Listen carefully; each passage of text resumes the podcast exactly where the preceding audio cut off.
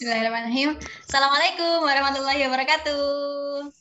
Waalaikumsalam. Salam warahmatullahi Halo semuanya, pendengar Alaska bercerita di mana pun kalian berada. Selamat pagi, siang, sore, malam. Semoga tetap semangat ya. Oke, kembali lagi di Alaska bercerita bulan ini. Nah, kali ini kita masih dengan teman-teman yang sama nih. Ada Rotil, Hai teman-teman. ada Husna, Halo. ada Pipo, Halo semua. dan juga ada Nadai. Halo guys. Dan tentunya ada aku di sini, ada tim-tim. Hai. Oke teman-teman, jadi eh, sore ini kita bakal bahas sesuatu yang berat banget ya mungkin. Bukan berat ya, kita bakal bahas hal yang mungkin berat, yaitu adalah ujian tahfidz. Iya, mungkin teman-teman mungkin kita review dulu ya. Kita bakal kasih tahu sedikit dulu tentang ujian tahfidz gitu. Jadi ujian tahfidz di pondok kita dulu itu adalah salah satu syarat kelulusan atau syarat naik kelas gitu. Jadi eh, mungkin aku sebutin buat target SMA-nya ya. Jadi buat eh, dari kelas 10 naik ke kelas 11 itu buat anak-anak yang internal atau yang dari SMP-nya juga di Penabas itu harus ujian tahfidz sebanyak 9 juz. Terus yang dari luar atau eksternal itu 5 juz. Terus dari kelas 11 ke kelas 12 itu yang dari internal 12 juz dan yang dari eksternal 10 juz.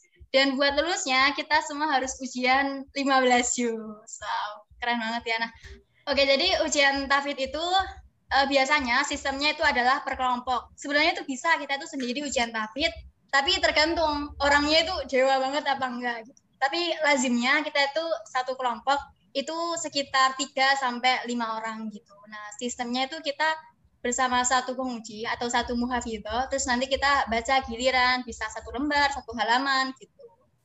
Nah, kita bakal bahas ujian tafid nih karena ujian tafid berat banget nggak sih ya? Kayak memorable banget ya.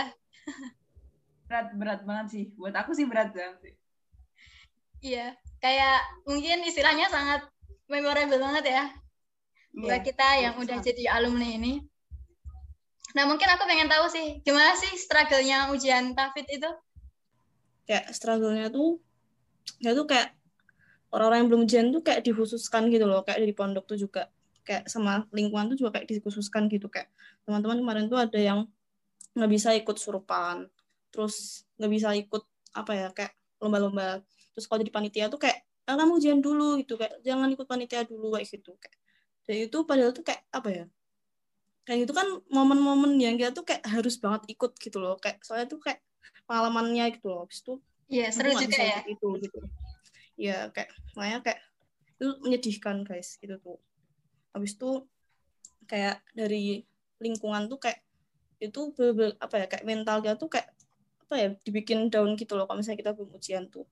Kayak misalnya ada yang udah ujian tahfidz terus ntar kayak barakallah barakallah gitu kita tuh kayak kita sebenarnya juga seneng seneng sih. Tapi ya karena kita belum ujian tahfidz jadi kayak jadi kepikiran gitu kan. Terus kayak kalau misalnya dijenguk kayak aku mau curhat gitu. Aku aku suka banget curhat ini. Pokoknya kayak misalnya kayak kemarin waktu Sparvia gitu. Itu kayak itu saat-saat yang dia kamu tuh pengen banget kayak bang- banggain kamu jadi panitia terus kayak aku bisa bikin ini bikin itu kayak gitu. Tapi tuh waktu habis kamu cerita panjang lebar kayak apa ya aku habis bikin ini loh kayak aku habis bikin apa sih pokoknya ini yang bikin aku yang bikin aku gitu di Sparvia gitu tuh. Terus tiba-tiba tuh kayak orang tua aku langsung bilang kayak "Eh, terus ujian tahfidmu tuh gimana? Gitu apa ya kayak kamu tuh nggak bakal dianggap ngapa-ngapain kalau kamu tuh belum ujian tahfidz gitu mau kamu jungkir balik mau kamu ranking mau kamu jadi panitia apa tuh ya kalau belum ujian tahfidz ya useless gitu Oh. Berarti mentalnya beban banget ya kalau belum ujian tuh. iya kalau aku sih gitu ya Emang perjuangannya se seharus segimana sih biar kita bisa ujian tahfidz apa harus begadang atau kayak gimana sih, Us? ya kayak oh iya kayak setiap hari tuh kita tuh begadang.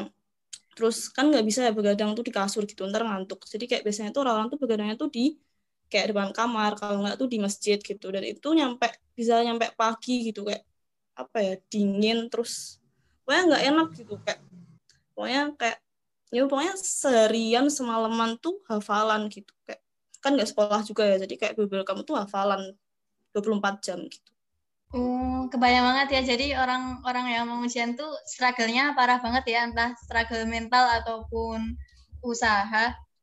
Nah, uh, udah berat banget. Oh ya, tadi kan udah aku sempat sebutin tuh. Kan kita biasanya per kelompok gitu ujiannya. Nah, emang ada nggak sih kayak problema-problema atau drama-drama di kelompok ketika ujian itu atau adem-adem aja gitu? Kira-kira ada cerita nggak dari hal itu? Pasti ada dong nggak mungkin kita tuh dalam satu kelompok itu nggak mungkin ada uh, mungkin sih tapi kayaknya selama ini cerita-cerita yang aku dengar dan yang aku alami sendiri tuh pasti ada ujian dan ujian dalam ujian jadi kita ujian tahfidz tapi diuji juga dalam kelompoknya itu oh. waktu itu aku tak ceritain dari ujian tahfidzku yang pertama kali itu aku pernah mengalami uh, sebuah ya bukan drama ya ya apa ya hambatan lah sedikit hambatan. Jadi waktu itu aku ujian tahfidz bertiga, terus um, misalnya salah nggak misalnya ding ini kenyataan. Salah satu anggota kelompokku tuh misalnya ada yang kenyataannya tuh ada yang sakit gitu, yang mengharuskan dia mundur karena dia nggak sanggup buat lanjut ujian tahfidz lagi. Dan di situ aku ngerasa sangat keberatan kok misalnya uh, temanku ini harus mundur karena itu udah hari kedua dan kurang berapa juz ya. Itu aku ujian 10 juz kalau nggak salah kurang 4 jus atau berapa gitu aku juga nggak nggak sanggup kalau misalnya harus ngulangin lagi gitu kan. Dan aku udah cukup buang bukan buang waktu ya maksudnya kan kalau misalnya kita ujian tahfidz itu kan kita harus ngerelain banyak hal kan kayak misalnya uh, izin waktu pelajaran kelas buat persiapan ujian dan lain-lain. Dan aku ngerasa udah cukup banyak ngorbanin waktuku di sana buat ketinggalan pelajaran dan lain sebagainya. Aku nggak siap kalau misalnya harus ngulang lagi gitu. Akhirnya mau nggak mau karena karena temanku yang uh, anggota kelompok ini sakit, akhirnya aku harus uh, maju sendiri. Aku mewajari sih, maksudnya sakit itu kan di luar kemampuan kita ya. Maksudnya ya gimana gitu, orang sakit juga kan. Cuman aku sendiri juga nggak bisa gitu aja mundur gitu. Jadi di situ ada sedikit crash, maksudnya kayak gimana gitu. Jadinya ya udah aku meng, mendoakan dia supaya dia cepat selesai tahfidnya dan juga uh, semoga dia juga cepat sembuh. Tapi aku juga sendiri harus lebih struggle lagi karena aku harus ngelanjutin beberapa jus itu tanpa mereka berdua. Jadi waktu itu aku kelompokan bertiga. Terus pernah juga ada aku pernah ujian di situ kalau misalnya kita ujian terutama ujian kelompok itu kita harus banget jaga namanya komunikasi. Karena apa? Karena kita tuh di situ kelompokan ya. Kita bukan dewa, kita bukan individu. Kita itu ujiannya tuh bersama dengan teman-teman kita. Jadi kita tuh harus uh, apa namanya bisa menjaga komunikasi, jangan sampai ada miskomunikasi. Waktu itu aku pernah kita ujian berempat, terus salah satu temanku udah mundur, akhirnya tinggal bertiga. Terus uh, karena kita ada miskomunikasi, jadi seharusnya waktu itu kita membaca juz 9, cuman karena ada miskomunikasi jadinya yang salah satu anggota itu bacanya juz 7. Jadi dua anggota itu uh, berpikir bahwa kita bakalan ngaji juz 9, tapi yang satu itu mikirnya juz 7. Di situ aku nggak bisa nyalahin salah satu di antara kita siapa yang salah karena ini namanya miskomunikasi ya. Jadi ya yang salah ya kita semua karena nggak clear gitu komunikasinya. Jadi hmm. waktu maju terus ya udah akhirnya uh, dia yang ternyata yang dipilih duluan yang ngiranya jus 7 itu. Terus padahal kita bilang ke ustazahnya itu kita mau ngaji jus 9 terus akhirnya waktu ustazahnya udah buka jus 9 terus dia mulai dengan jus 7 ustazahnya bingung. Masalahnya yang dibaca dia itu benar maksudnya uh, dengan surat yang dia baca tuh nggak ada yang salah gitu. Cuman hmm. tadi ngomongnya juz 9, kok ini malah majunya juz 7 gitu. Udahnya selama dari tadi dengerin tuh kayak ya udah ya wadah aja, soalnya nggak ada yang salah memang dari ayatnya. Terus ketika usahanya udah sadar, kok ini kayak nggak juz 9 gitu. Akhirnya usahanya tanya, Mbak, Mbak, bentar dulu ini juz berapa ya? Aku sama temanku yang satunya itu juga dari tadi kayak bingung gitu kan. Lah, kok ini, kok ini, ini juz berapa? Dia juga bingung gitu tapi dia dengan lancar-lancar aja gitu ngaji. Ya udah akhirnya uh, sedangnya bilang mbak ini ini setuju ya? Gitu. Terus di situ barulah kita kayak wah itu terus uh, kita kayak bingung kaget nggak jelas. Terus akhirnya uh, Ustazah bilang ya udah karena kalian mungkin ini belum siap kalian uh, siapin dulu aja lebih mateng gitu. Ya udah akhirnya kita mundur karena itu waktunya juga udah kita udah ngabisin tiga hari kalau nggak salah sedangkan jusnya juga masih banyak terus juga um, ada miskomunikasi itu yang harusnya kita hari ini udah bisa habis berapa jus cuman karena ada miskom akhirnya semakin berkurang dan ya ya udahlah akhirnya kita memutuskan untuk mundur dan uh, maju di pertemuan selanjutnya gitu. Hmm. By the way, itu kenapa bisa bisa miskom gitu loh. Sedangkan misalnya kan kayak 7 sama 9 itu kan kayak beda banget kan. Kenapa bisa miskom?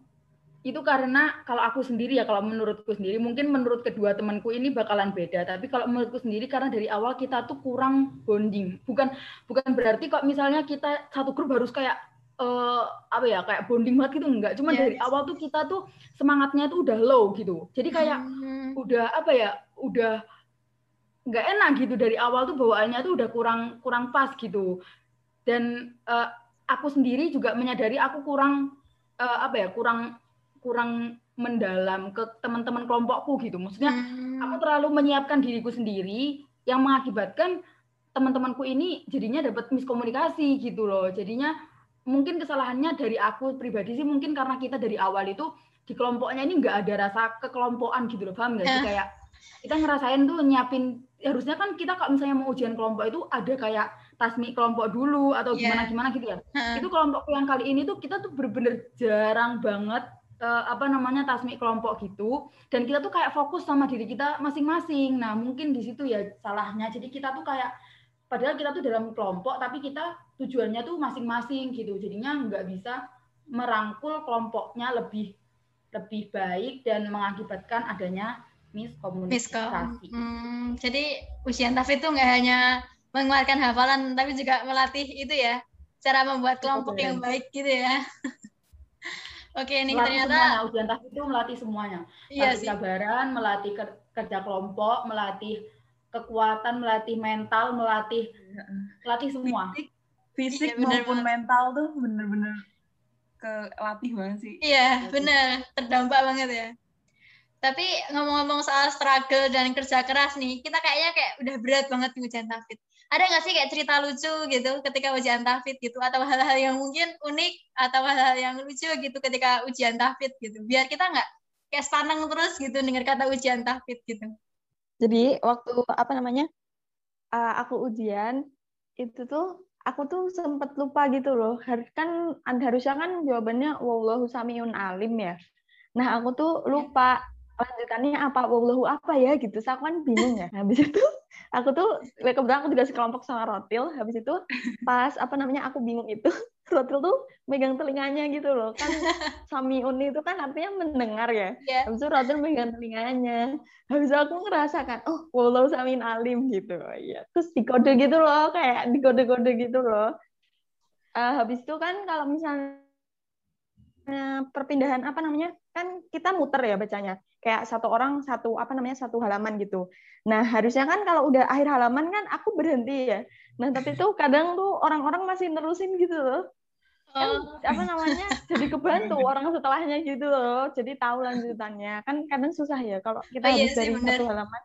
Terus naik ke atasnya kan jadi depannya apa ya tadi gitu. Terus teman sebelumnya tuh kadang kayak sengaja ngebelabas iya iya. Oh. gitu, biar yang setelahnya tuh kebantu gitu.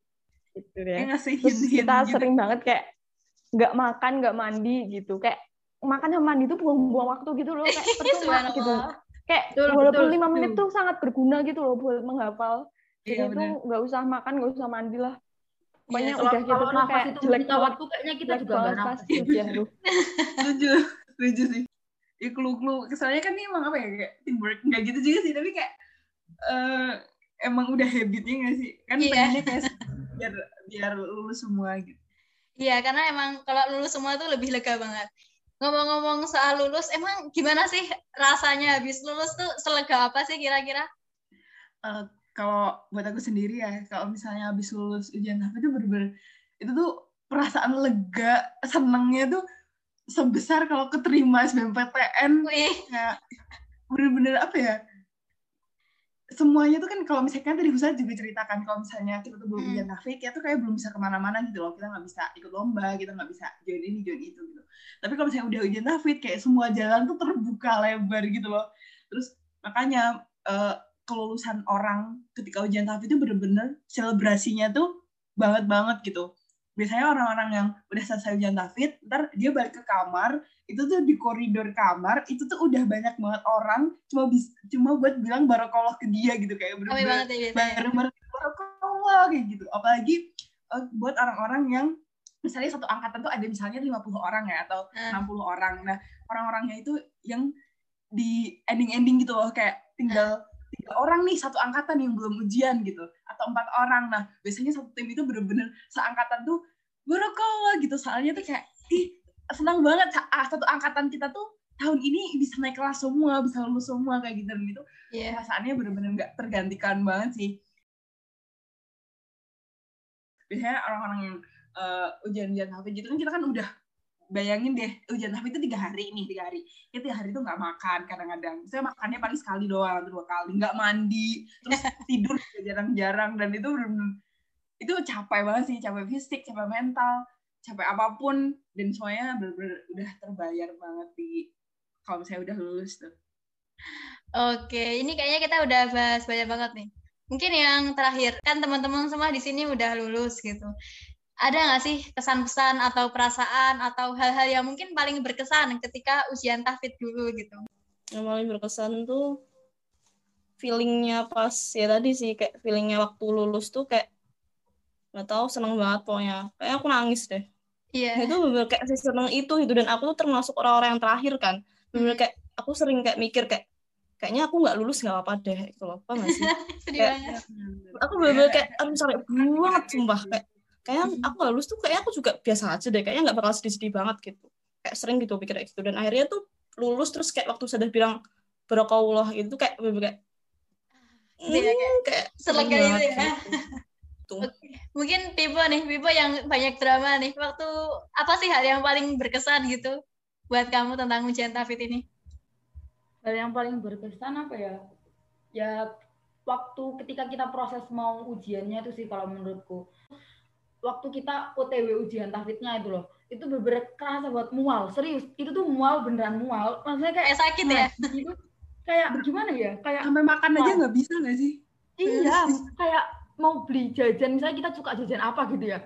Bahkan kita mau makan itu tuh jadi kayak nggak mood gitu rasanya kayak kepikiran terus kayak nggak enak. Terus pokoknya kalau misalnya belum ujian tahfidz tuh rasanya hidup tuh kayak ada bebannya gitu kayak hmm, kayak prosesnya tuh loh yang bener-bener aku tuh kayak inget banget sampai harus nangis-nangis lah, sampai telepon orang tua yang ditanyain kapan kita selesai ujian, belum lagi kita punya tanggungan-tanggungan akademik yang lain, terus kita kan di situ nggak cuma tanggungan tahfidz doang soalnya ya, kita juga Iya harus banyak sih.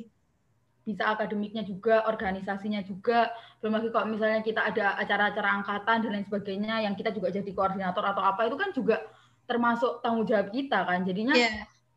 Ya itulah prosesnya tuh loh yang buat menuju ke ujian tahfidznya itu menurutku tuh bener-bener berharga. wow, Oke, wow, mantap. bener banget sih. Semua merasakan beratnya itu. Mungkin Nadai nih, Nadai. Kayaknya kamu lebih suka pengalaman-pengalaman lucu gitu. Apa sih hal yang paling berkesan buat kamu, Dai, tentang ujian tahfidz ini? apa ya kalau aku ya prosesnya juga pas ujiannya tapi kayak hal-hal yang apa ya lucu gitu loh. Maksudnya pas kita nentuin apa namanya eh nanti kamu duduknya di sana ya saya kayaknya nanti kamu yang pertama deh gitu. Kalau enggak kayak ngode-ngode gitu terus saling nyemangatin satu sama lain Iya. gitu. Kayak kalau kita kan pas sebelum ujian tuh kayak buluk banget sumpah. Terus kalau Iya. ngeliat orang lain. Terus kayak sumpah kita lemes banget sih. Kayak oh pokoknya buluk banget kita tuh. Terus kayak kalau ngeliat yang lain juga sama-sama senasib gitu terus kayak ya udah lucu aja gitu Oke, iya sih. Banyak hal yang ternyata sangat melatih kekompakan, rasa semangat satu sama lain gitu ya. Emang keren banget emang Tahfidz. Nih terakhir nih, Rotil nih, yang yang tadi udah cerita rasanya berkesannya gimana ujian tahfidz kalau udah selesai. Nah, menurut kamu hal yang sampai sekarang paling berkesan buat kamu tuh apa sih, Rot?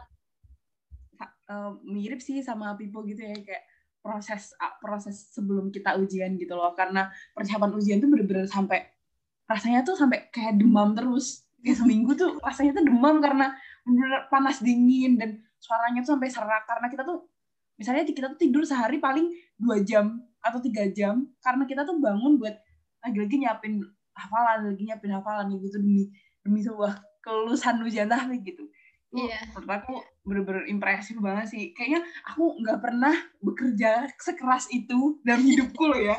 itu kali buat di ujian tahfidz ini gitu. Itu termasuk perjuangan paling gede sih yang pernah aku lakukan. Iya sih benar-benar banget. Setuju banget nih. Emang ujian tafid adalah hal yang berat dan kita yang melewatinya ini pasti orang-orang yang hebat-hebat ya orang-orang yang keren-keren.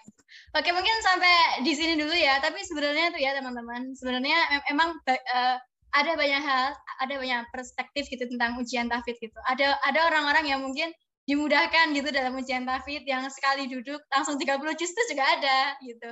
Jadi ini benar-benar tergantung orang ya teman-teman semuanya. Jadi mungkin teman-teman ada yang flashback gimana dulu waktu ujian tafid itu beratnya kayak gimana atau mungkin ada yang biasa aja karena dulu ujian tafidnya juga kayak gampang-gampang aja ya. Oke mungkin sampai sini dulu aja ya kali ya kita cerita-cerita buat ujian tentang ujian tafid di Alaska bercerita kali ini. Nah buat teman-teman boleh banget request mau tema apa yang kita bahas di Alaska bercerita bulan depan.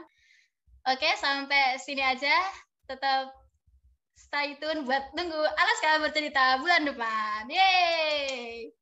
Yeay. Dadah teman-teman semua. Oke, aku tutup. Wassalamualaikum warahmatullahi wabarakatuh. Dadah.